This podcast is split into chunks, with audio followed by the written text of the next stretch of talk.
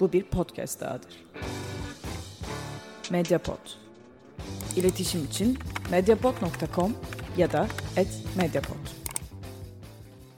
Merhabalar, Alt Evren Çizgi Roman Podcast'inin yeni bölümüne hoş geldiniz. Bugün bir istek bölümle karşınızdayız. Podcast'in başlamasından biraz ivme kazanmasından sonra gerek Alt Evren okuyucuları tarafından gerek podcast'i dinleyenler tarafından en çok talep edilen, en çok ya şununla ilgili de bir bölüm yapsanız denilen konulardan bir tanesi Tom King. Son dönemin en önemli çizgi roman yazarlarından bir tanesi. Hem Marvel Comics'te yaptığı önemli işler var. E, Marvel Comics'te yaptığı bir tane önemli iş var daha doğrusu. Daha çok DC'de yaptığı enteresan serilerle, enteresan işlerle tanınan ve özellikle son yılların Batman yazarı olarak tabii tanınan bir yazar. Bu bölümü Tom King'e ayıracağız. Kısaca bir kariyerinin üzerinden geçeceğiz. Yaptığı başarılı işlerin epey bir üzerinde duracağız. Ve tabii biraz da tartışmalı olabilen bir yazar. Bunun belli sebepleri var. Kendisinden kaynaklanan, kendisinden kaynaklanmayan. Bu üç temel konu başlığıyla da bölümü bitireceğiz. Üç bölümlü bir podcast olacak yani. Öncelikle yazarın biyografisinden ve kariyerinden başlayalım. Bunu geçen bölümde de söyledim. Tamamen alakasız konular gibi gözükse de ilginç bir şekilde birbirine bağlandı. Ben normal şartlarda öyle yazarların biyografilerine vesairelerine çok kafayı takan bir insan değilim. Ben kişisel olarak araştırırım, merak ederim, okurum ama e, hem site üzerinde hem de podcast'te aslında bence üzerinde durulabilecek daha önemli konular var. Ee, özellikle sıkıcı biyografik bilgiler olarak adlandırabileceğimiz şeylerden bahsettiğimizde hani 1982'de Ontario'da doğmuştur falan e, çok anlam ifade etmeyebiliyor e, genel konular üzerinde duran bir podcast için. Tom King'de durum bu değil. Tom King'in enteresan bir hayatı var. En çok bilinen özelliği zaten çizgi roman dünyasına girmeden, bir çizgi roman yazarı olmadan önce bir CIA ajanı olarak çalışmış olması. Amerika'nın o meşhur istihbarat birimi CIA'in bildiğiniz baya baya bir ajanı ve öyle hani ajanım ama masa başı iş yapıyorum falan gibi bir şey de değil. Irak'ta, Afganistan'da o Amerika'nın e, savaşlarında vesairede e, bulunmuş bir adam. Dolayısıyla bu yapıda benzersiz bir kişi aslında. Çizgi roman dünyasında çok eşi benzeri olan bir konum değil. Bu kariyerin sonrasında yazarlığa geçiş yapıyor. Biraz daha az bilinen bir bilgi aslında bunun öncesinde bir çizgi roman geçmişi var. Marvel Comics'te bir staj yaptığı dönem oluyor. Stajdan sonra bir 7-8 sene kadar CIA'de çalışıyor. Bundan sonra da çizgi romana full time olarak bu sefer geri dönüyor. Tabi böyle bir hayatın getirdiği enteresan deneyimler var. Çizgi romanlarında, eserlerinde yansıttığı bazı konular var. Bunların da biraz üstüne duracağız. Genel olarak çizgi roman kariyeri açısından da enteresan bir adam. Çok normal seriler yapan süper kahraman türü içinde özellikle alıştığımız tarzda hikaye kurguları üzerine giden birisi değil. Biraz daha işlenmeyen, dışarıda bırakılan konuları seviyor. İlk çizgi romanı DC Comics'te Grayson çizgi romanı. Batman'in ilk Robin'i olarak, Nightwing olarak tanıdığımız Dick Grayson'ın biraz farklı bir şekilde böyle bir süper ajan olarak kurgulandığı bir seride yazarlık yapıyor. Sitede incelemesi var detaylı olarak bakmak isterseniz. Yeri geldiğinde böyle farklı teknikler yapan ama Tom King'in henüz daha böyle tarzını tam yansıtmaya başlamadığı, biraz daha tipik süper kahraman çizgi romanlarına vesairelere benzeyen bir eser. Bir iki böyle tuhaf kullanım var. Ama burada büyük ölçüde klasik bir süper kahraman hikayesi anlatıyor.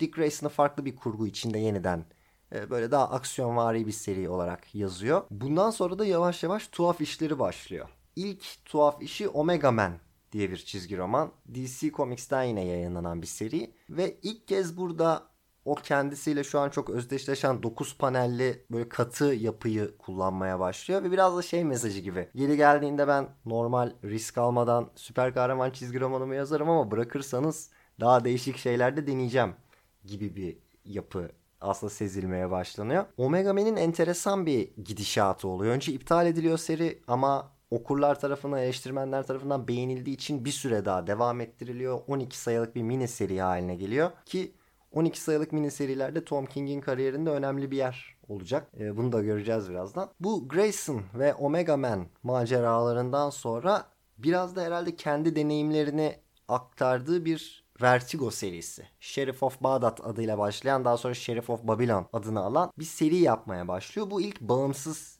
diyebileceğimiz serisi. Biraz daha süper kahraman türü dışında bir seri. Ve gerçekten çok çok iyi bir çizgi roman. Özellikle ilk cildi bana sorarsanız harika bir çizgi roman. E, Grayson ve Omega Man serileri biraz daha işin başlangıcı olduğu için çok üzerinde durmadım. E, ama Sheriff of Babylon'u gerçekten ilk tavsiye edeceğim Tom King çizgi roman olarak söyleyebilirim. E, bundan sonra da Marvel'da bir seri yapmaya başlıyor. Hatta eş zamanlı olarak çalışıyor Marvel ve DC Comics'te. Dediğim gibi böyle çok e, sıkıcı bir biyografi olarak yapmak istemiyorum bu kısmı da. O yüzden yavaş yavaş kendi okuma deneyimimle, kendi kafamda yaşadığım şekilde biraz size aktarmaya çalışmak istiyorum. Ee, özellikle Grayson, Omega Man, Sheriff of Babylon'dan sonra bir kere Tom King artık çizgi roman dünyasında tanıdığınız bir isim. Bu hikayelerle birlikte tanıyoruz onu. Bir çizgi roman yazarı, yükselen bir çizgi roman yazarı olarak tanıyoruz. Hatta çoğu zaman yine yükselen ve önemli bir isim olan beğenilen serilere imza atan Tom Taylor'la karıştırıyoruz. İkisi de Tom olduğu için falan. Ee, böyle bir noktadayız. Ve bu noktada Vision'ı yazmaya başlıyor. Vision serisi benim yaşamam, benim deneyimim aslında şu şekilde olan bir seri. Biliyorsunuz Avengers'ın ikinci filminde e, Age of Ultron'da Vision'ın çok önemli bir rolü var. Tom King'in yazdığı Vision serisi de aşağı yukarı bu filmle aynı anda çıkan bir seri. Dolayısıyla ben mesela Vision'ın ilk sayısını aldığımda kafamdan geçen ilk düşünce şuydu çok bariz bir şekilde. Avengers kadrosuna filmlerde Marvel sinema evreninde Vision'ı eklediler. Vision artık bu evren içinde önemli bir karakter haline geldi. Tabii ki çizgi romanda da bunun bir karşılığı olacak. Şimdi uzun zamandır kendine ait bir serisi olmayan Vision'a yeni bir seri verecekler. Başlangıçtaki düşüncem buydu. Tom King'in bu serideki yazarlığı hem bir android karakteri yazma şekli hem üstü kapalı bir şekilde edebi bir şekilde değindiği toplumsal konular hem de bütün kurguyu bir araya getirme şekli gerçekten muazzam bir çizgi roman Vision. Bu noktada ben şöyle bir düşünce içindeydim aslında. Şöyle yaklaşıyordum Tom King'e. Hızlı bir giriş yaptı çizgi roman dünyasına.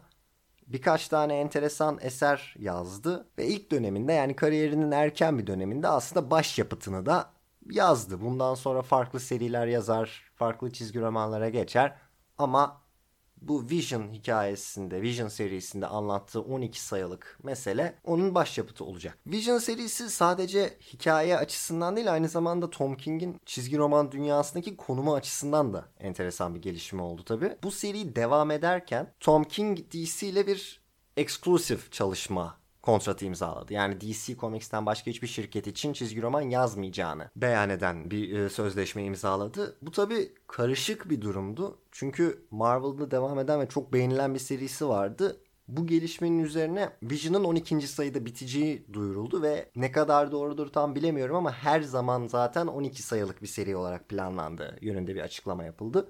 Buradaki hikayesini bitirdikten sonra da zaten en meşhur dönemi 2016 yılındayız şu anda. 2016'da Batman'i yazmaya başladı ve Batman yazarlığıyla birlikte bu olumlu konumu çizgi roman dünyası içinde herkes tarafından sevilen evet abi Tom King çok iyi bir yazar denilen konumu biraz tabi sarsılmaya başladı. Çünkü Batman çok göz önünde olan bir karakter. Biraz üzerinde duracağım ilerleyen bölümlerde. Batman'le birlikte biraz daha tartışılan bir figür olmaya başladı.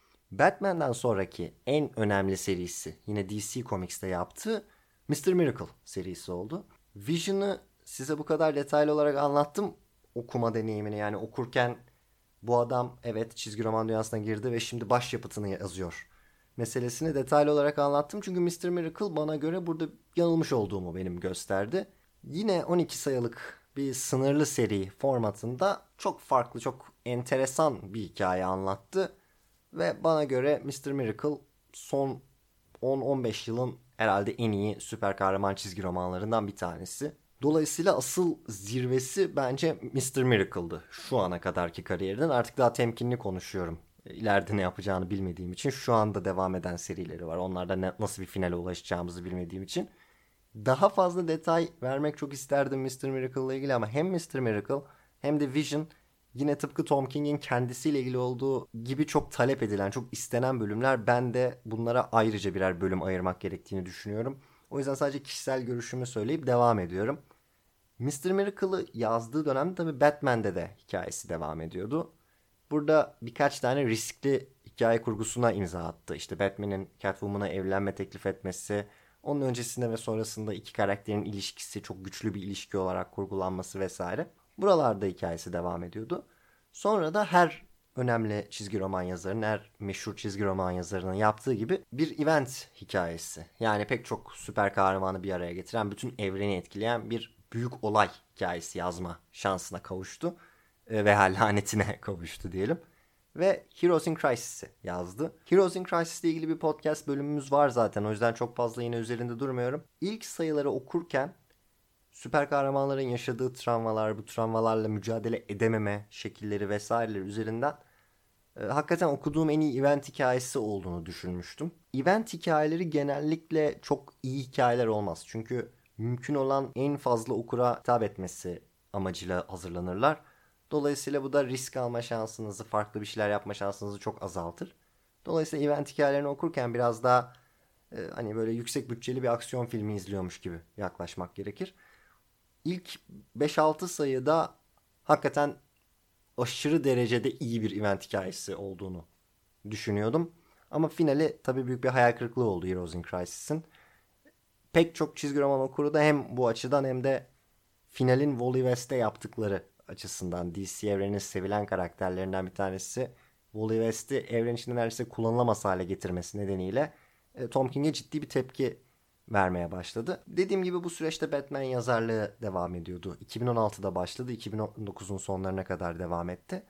Ve bu yükselen kariyer grafiği ile birlikte özellikle Mr. Miracle serisinin ona getirdiği prestijle hem 2018'de hem 2019'da aslında Batman serisi nedeniyle ciddi şekilde de eleştirilmeye başlamış olmasına rağmen iki kere Eisner ödülü kazandı. 2018 ve 2019'da en iyi yazar Eisner ödülünü aldı ki Eisner ödülleri biliyorsunuz çizgi roman dünyasının Oscar'ları gibi bir şey.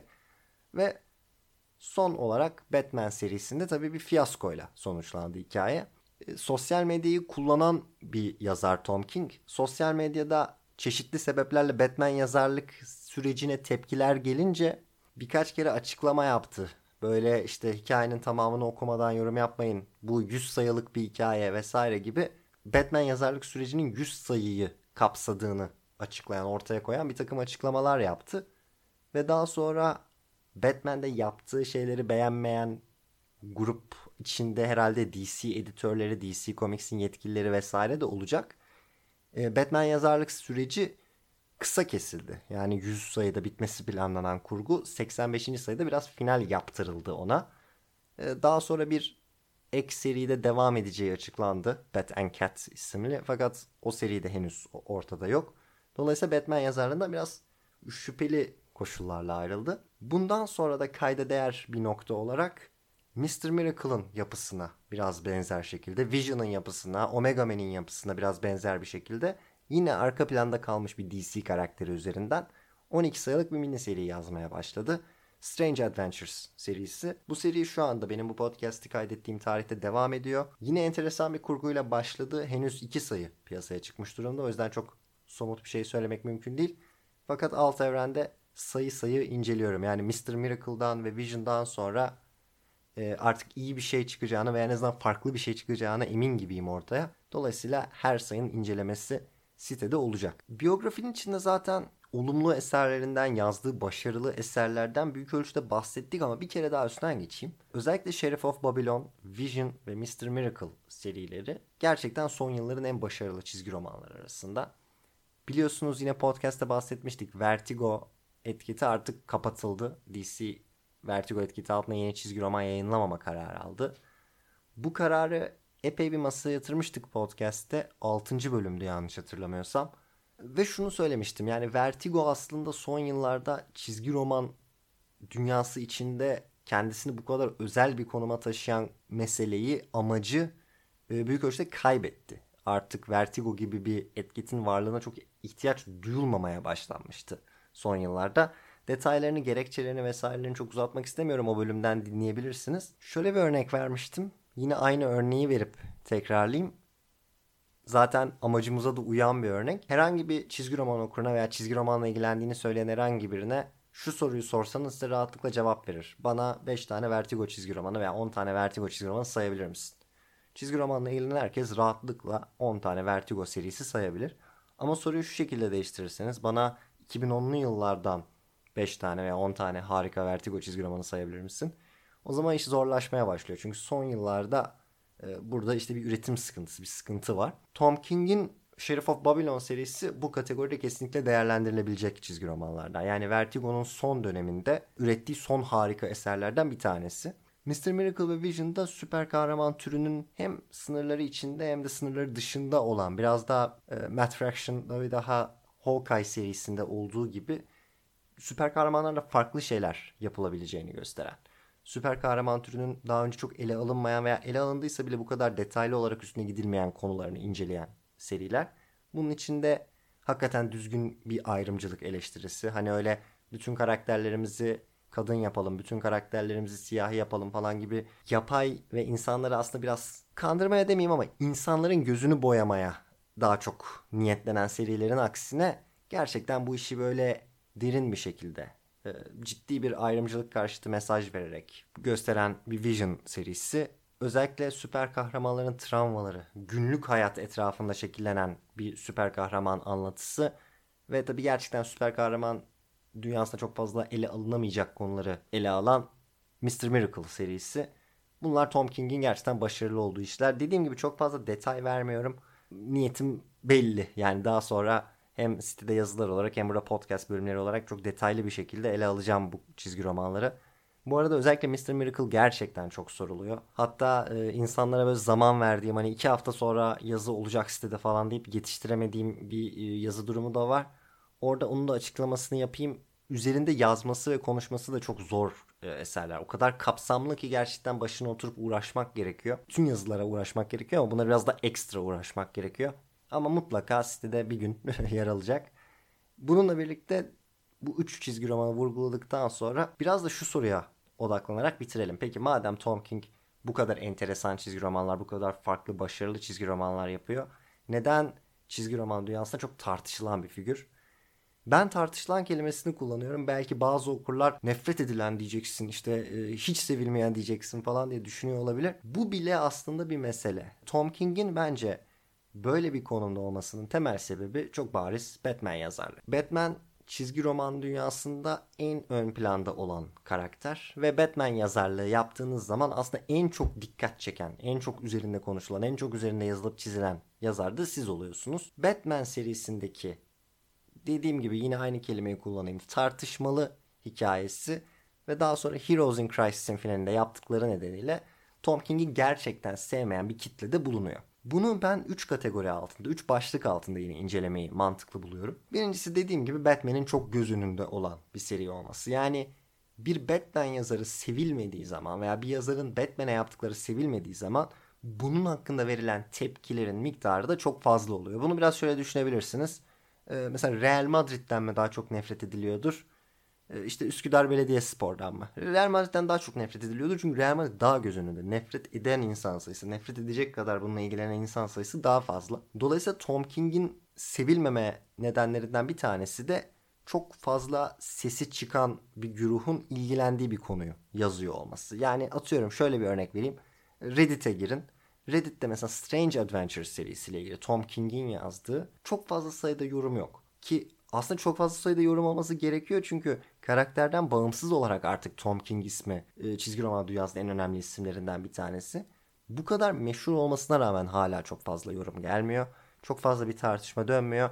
Ha belki daha arka planda bir seriye atıyorum bir Batgirl'e falan e, göre daha fazla mesaj vardır. Ama yine de böyle çok ciddi o herkes de bunu yaz, herkes de fikrini belirtmiş gibi bir durum yok.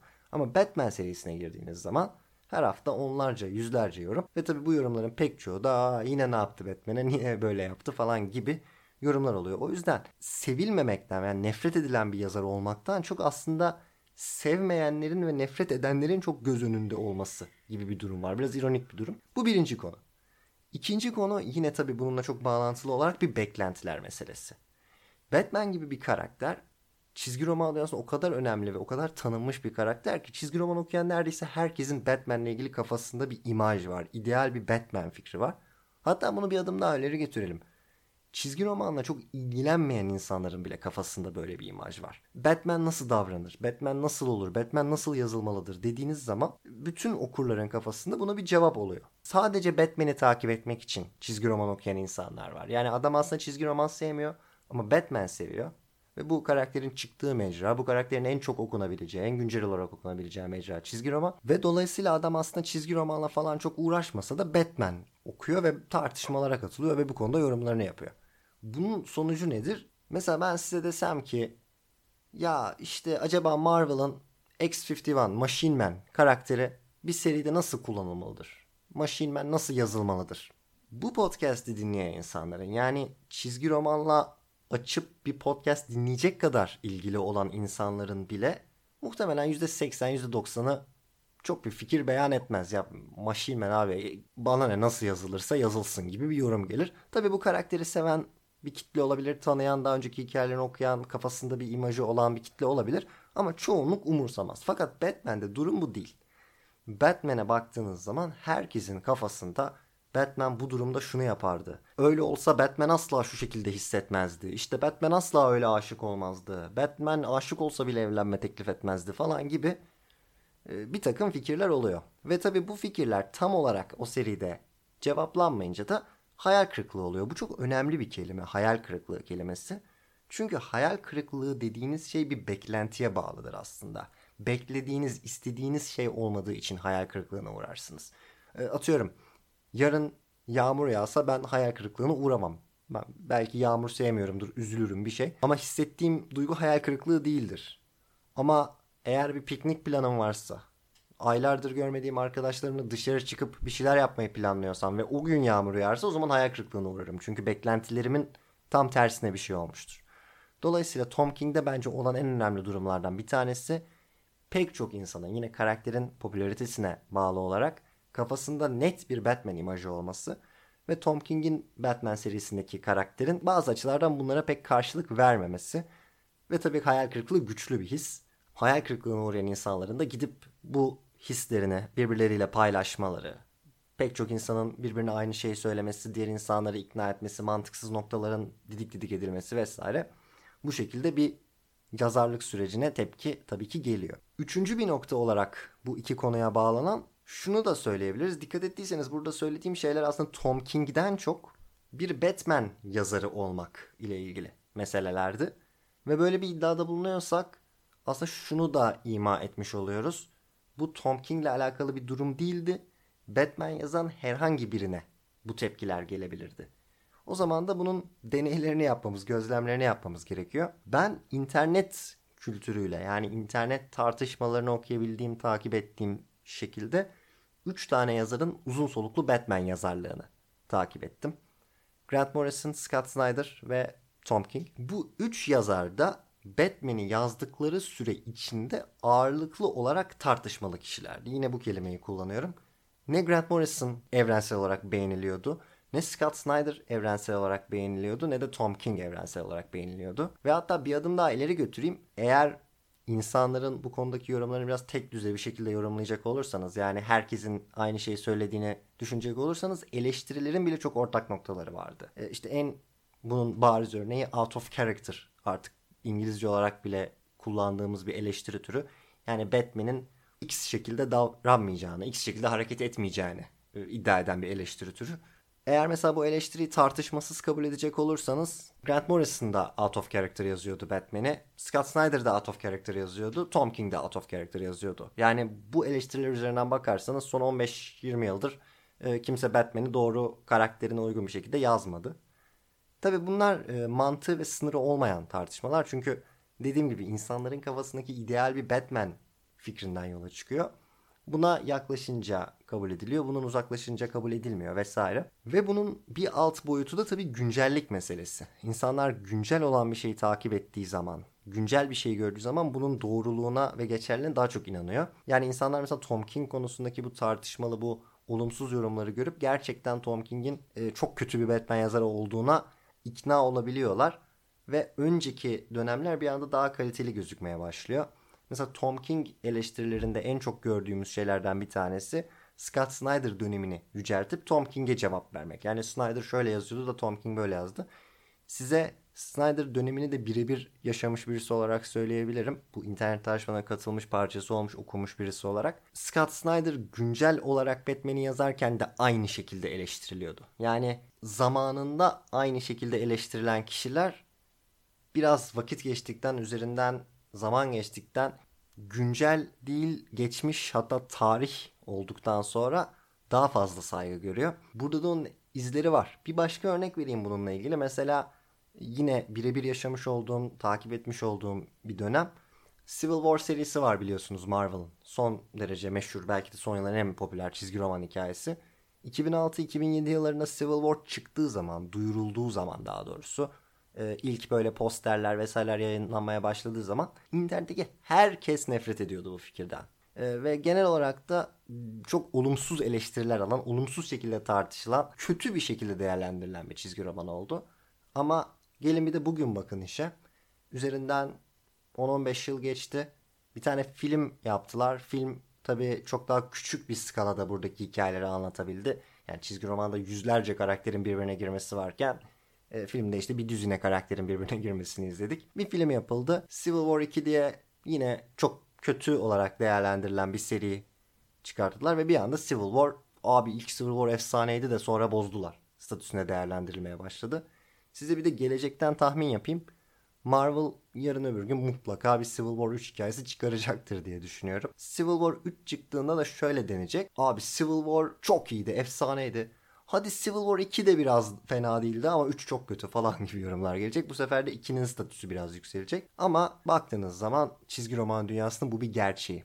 E, eskide kalan şeyler biraz daha fazla seviliyor. Değeri biraz daha anlaşılıyor yeni olanlar biraz daha fazla eleştirilmeye başlanıyor. Tabi bunun içinde şu da var. Eski olan bir şeyi düzenli olarak takip etmiyorsunuz. Alıp bir seferde iki seferde okuyabiliyorsunuz. Her hafta bir beklentiyle yola çıkıp her hafta yeni sayılarda hayal kırıklığına uğramak daha güçlü bir duygu. Öte yandan mesela Scott Snyder'ın bir okuyucu 3-4 cildini bir haftada bitirip bütün hikayeyi bir arada görme şansına erişip çok beğenebiliyor. Ama aynı şeyi Tom King'in serisinde yapamadığı için her hafta bekleyip her hafta yine beğenmediği için her ay bekleyip beklenmediği için yorumları değişebiliyor. Bunlar benim hani görece işe tarafsız yaklaşmaya çalışarak e, söylediğim şeyler. Kendi görüşümü de söyleyeyim Batman'le ilgili. Burada kendi görüşümü ifade etmek için şunu vurgulamam gerekiyor. Ben çizgi romanı çizgi roman için seven birisiyim. Yani Batman'le veya herhangi başka çok bir karakterle duygusal bir bağım fazla yok. Yani Batman'e ne yaparsa yapsın bir yazar beni sinirlendirmesi zor. Hikaye iyi olduğu sürece ve hikaye içinde belli bir tutarlılık, belli bir mantık, belli bir karakter gelişimi olduğu sürece, geçmişle bazı bağlantılar mantıklı bir şekilde açıklandığı sürece ben Batman'le ilgili hani böyle bir out of character veya işte Batman'i böyle mi yazdım gibi bir eleştiriden biraz kaçınırım. Bununla birlikte şunu söylemem gerekiyor. Yani özellikle Mr. Miracle ve Vision gibi serilerde yaptıklarına, yapabildiklerine baktığınız zaman Tom King'in Batman yazarlık dönemi bence çok olağanüstü bir çizgi roman serisi değil. Güzel bir çizgi roman hani okunuyor, kendini okutuyor vesaire ama ana akım bir Batman çizgi romanı olmanın çok ötesine gitmiyor. Şöyle bir argüman da getirilebilir bu söylediğime. E, demin söylediğim her şey ışığında Batman yazmak için bazı fedakarlıklar yapılması gerekti. Yani Batman'i de mi deneysel yazsın adam e, gibi bir yorum getirilebilir. Tabi haklı da olur. Ama mesela Snyder dönemine baktığımızda ilk hikayede, ikinci hikayede bu Court of All sürecinde falan çok enteresan hikaye anlatma yöntemleri vardı. İşte labirent gibi bütün sayıyı bir arada çevirdiğiniz falan hareketler vardı. Dolayısıyla yeri geldiğinde yapılabiliyor. O yüzden ben biraz daha sıra dışı, biraz daha farklı bir şey beklerdim. Ama şurası kesinlikle doğru. Tabii ki bir Mr. Miracle serisi ve bir Adam Strange serisi yazmak, buralarda risk alıp deneysel şeyler deneyebilmek Batman'e göre çok daha kolay. Bir başka önemli nokta yine benim için kritik olan dediğim gibi hikayenin tutarlılığı, gelişme şekli, finale ulaşma şekli benim için çok önemli. Ve Tom King'in biraz da es kaza yaptığı açıklamalardan vesairelerden biz bu serinin 100 sayı sürmesi gerektiğini yani 100 sayılık bir hikaye kurgusu okumamız gerektiğini biliyorduk. Bu hikaye kurgusu 85 sayıyla sınırlı tutulunca tabii Tom King'in bir final yapma, bir finale ulaşma şansı da çok ciddi oranda azaldı. Yani yaklaşık 15 sayılık bir alan kaybetti. Ve tabii burada hikayenin bir gelişme hızı, okuyucuya bir aktarılma süreci, o anlatının bir işte pacing dediğimiz yapısı vesairesi bunu böyle bir değişiklikte korumak çok mümkün değil. Bu nedenle ben Tom King'in Batman yazarlık sürecini biraz yapay bir şekilde bitmiş. O yüzden ideal bir finale ulaşmamış bir seri olarak da görüyorum. Yine bir önceki bölümden örnek vereyim. Hiç beklemediğim kadar bağlantı çıktı iki bölüm arasında. My Favorite Thing is Monsters isimli çizgi romanı konuştuk geçen bölümde. Olağanüstü bir çizgi roman, olağanüstü bir görsellik. Ama dikkat ettiyseniz geçen bölümde bu görsellik ve bu görsel anlatı üzerinde daha çok durdum hikaye ve hikayenin akışı ortaya çıkan genel anlatı üzerinde fazla durmadım. Çünkü e, bölüm içinde de söylediğim gibi bir cildi daha var çıkmasını beklediğimiz. Yani hikaye bitmiş, tamamlanmış, bütün soruların cevaplandığı bir hikaye değil. Dolayısıyla My Favorite Thing is Monsters'ın harika bir çizgi roman olduğu ve olağanüstü bir gerçekliğe sahip olduğu hiçbir zaman tartışma konusu olmayacak. Ama bir bütün olarak, hikaye olarak bizi nereye ulaştırdığı aslında hala tartışmaya açık. Çünkü bitmedi ve sonunu bilmiyoruz. Dolayısıyla Batman'de de bence benzer bir durum var. Yapay bir sona ulaştırılmış olması, 15 sayılık bir süreci e, bir anda çöp etmiş olması bu çizgi romanın asıl kalitesinden bahsetmeyi biraz zorlaştırıyor. Burada hem Tom King'e biraz tolerans göstermek gerektiğini düşünüyorum. Yani 15 sayıyı yazamadan bitirmek zorunda kaldığı için. Ama bir yandan da eleştiri de yapmak gerekiyor. Bu 15 sayı olmadan sonu biraz havada kalan, çok da başarılı bir finale ulaşmayan bir seri olarak kalıyor. Bunu isterseniz Tom King'in tarafında yer alarak değerlendirebilirsiniz. Abi adama bitirtmediler ki seriyi gibi bir yaklaşımla. İsterseniz de daha eleştirel olarak da yaklaşabilirsiniz tabii ki. Ama sonuç olarak benim için Batman özel olarak çok bir niteliği olan bir çizgi roman değil. Şöyle bir final yapayım. Düzenli olarak çizgi roman okumayan ama meraklı olan insanlara Mr. Miracle ve Vision'ı mesela tavsiye ederim. Ama gidip Tom King'in Batman serisini oku demem. Ki buradaki mesele farklı veya normal bir süper kahraman çizgi roman olması da değil. Mesela Jonathan Hickman'ın Fantastic Four yazarlık süreci hem çok uzundur hem klasik anlamda bir süper kahraman çizgi romanıdır. Öyle Hawkeye gibi, Vision gibi, Mr. Miracle gibi deneysel bir çalışma değildir. Ama biraz meraklı olan, süper kahramanı biraz meraklı olan herkese, çizgi romanı biraz böyle süper kahraman boyutunu görmek isteyen herkese bu seriyi tavsiye ederim.